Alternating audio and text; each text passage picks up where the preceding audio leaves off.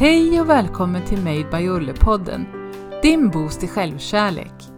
Med den här podden vill jag inspirera dig att leva det liv just du är ämnad för. Att skapa balans i vardagen och bygga en god och stark självkänsla. Så ta nu ett djupt andetag och lyssna vidare. Det här är till dig.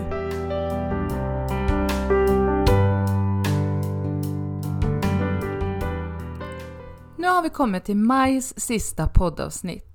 Och som ni hör så är jag ensam vid mikrofonen även den här gången. Förhoppningen som vi delade både Per och jag var ju att han skulle vara tillbaka den här veckan.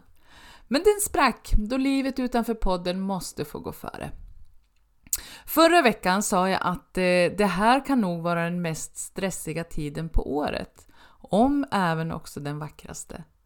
Jag undrar om inte maj och halva juni till och med är stressigare än självaste julen. Det är avslutningar, student, AWn, bröllop, hus och hem ska sommarförberedas och trädgårdar planteras. Jo, det är mycket för de flesta av oss nu. Ibland kan jag tänka att det kanske är urmänniskan, det djuriska, som speglas i denna stressiga tid. Fåglarna, de stressar, bina flyger kors och tvärs, myrorna stretar på, fast det gör i, i och för sig det alltid.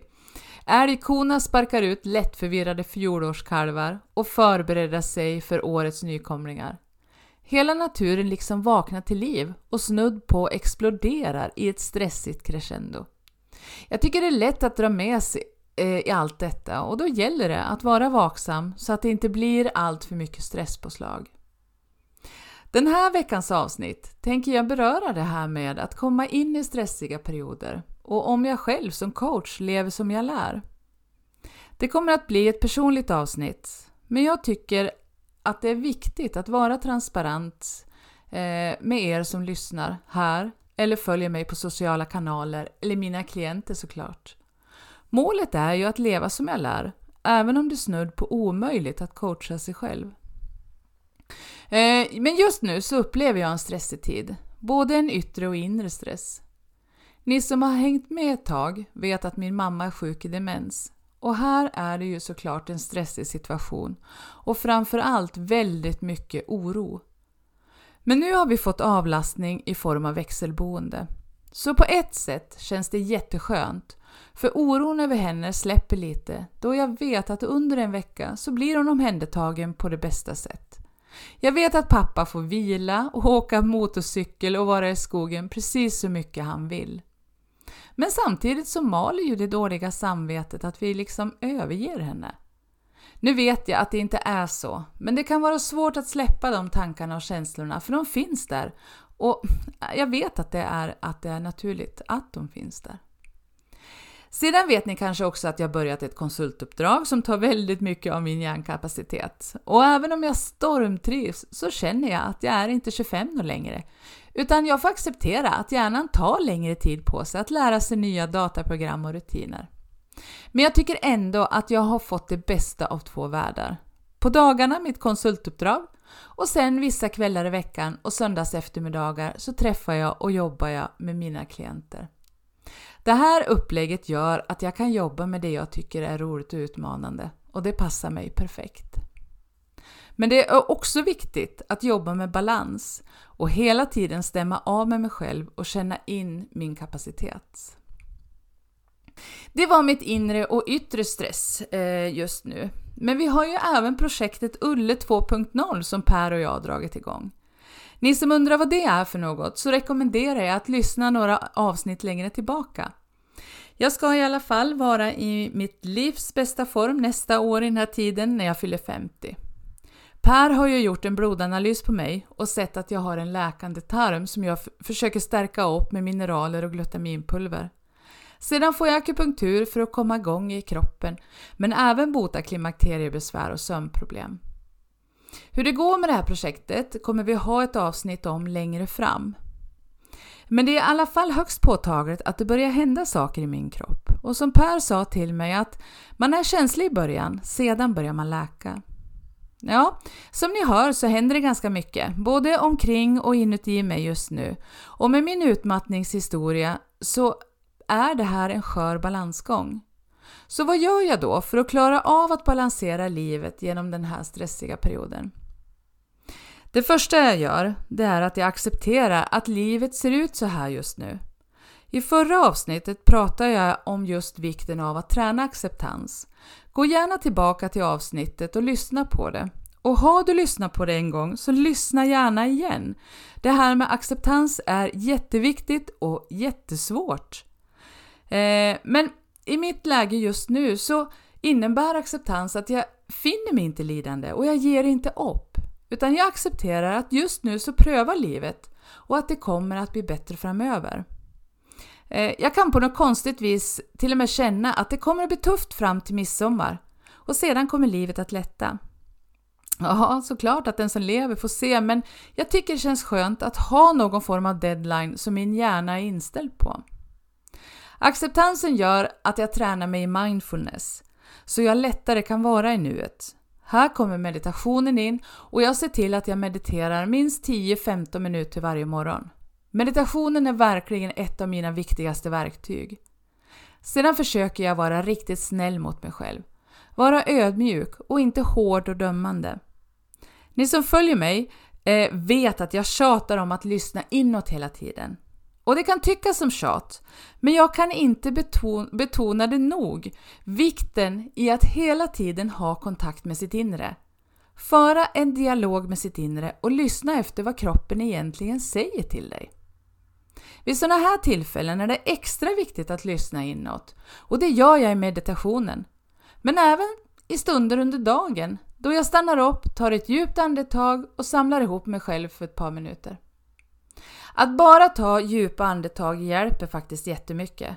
Det är så lätt att hålla andan och dra upp axlarna när man är stressad. Och då låser man hela kroppen med lymfsystemet och allt. Jag försöker även känna in var någonstans i kroppen mina tankar och känslor finns och känns. Ibland när jag stannar upp och lyssnar inåt så kan jag känna till exempel oro och jag kan känna så tydligt att det sitter i bröstkorgen eller i ena axeln. Det gör att jag lättare kan upptäcka mina känslor, lyssna på dem och lösa upp dem. Som sagt, det är mycket som pockar på nu och då gäller det, för att hålla, att sålla bland aktiviteter och festligheter. Gör bara sånt som ger dig energi och gör det i lagom dos.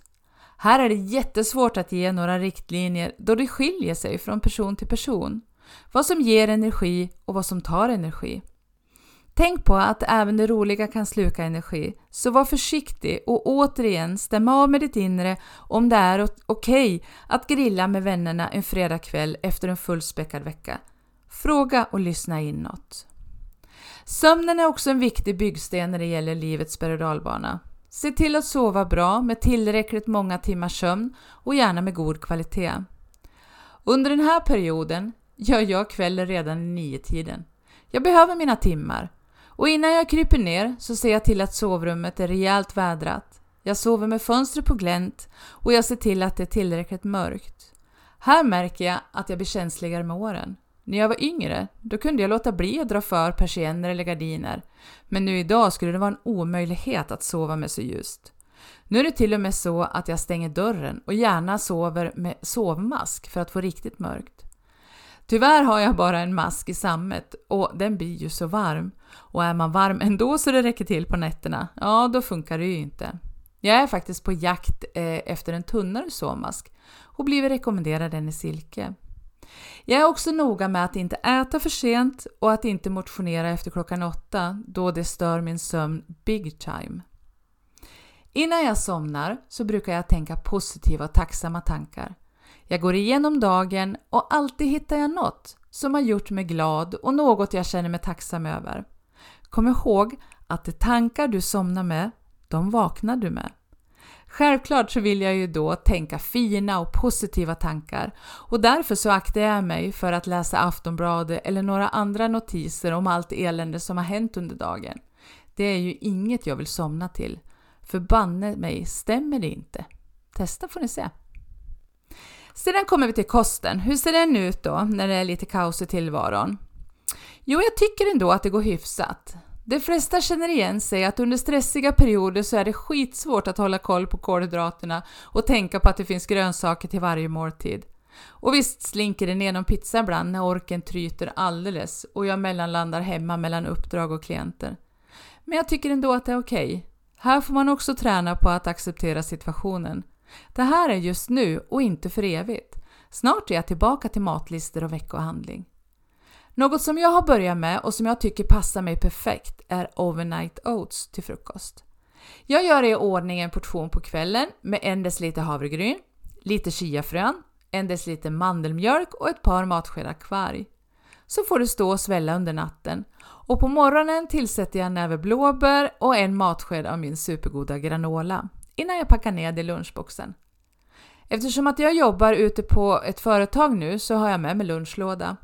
Det tycker jag är bra, eh, för då ja, men det blir hemlagad mat och jag vet vad jag får i mig.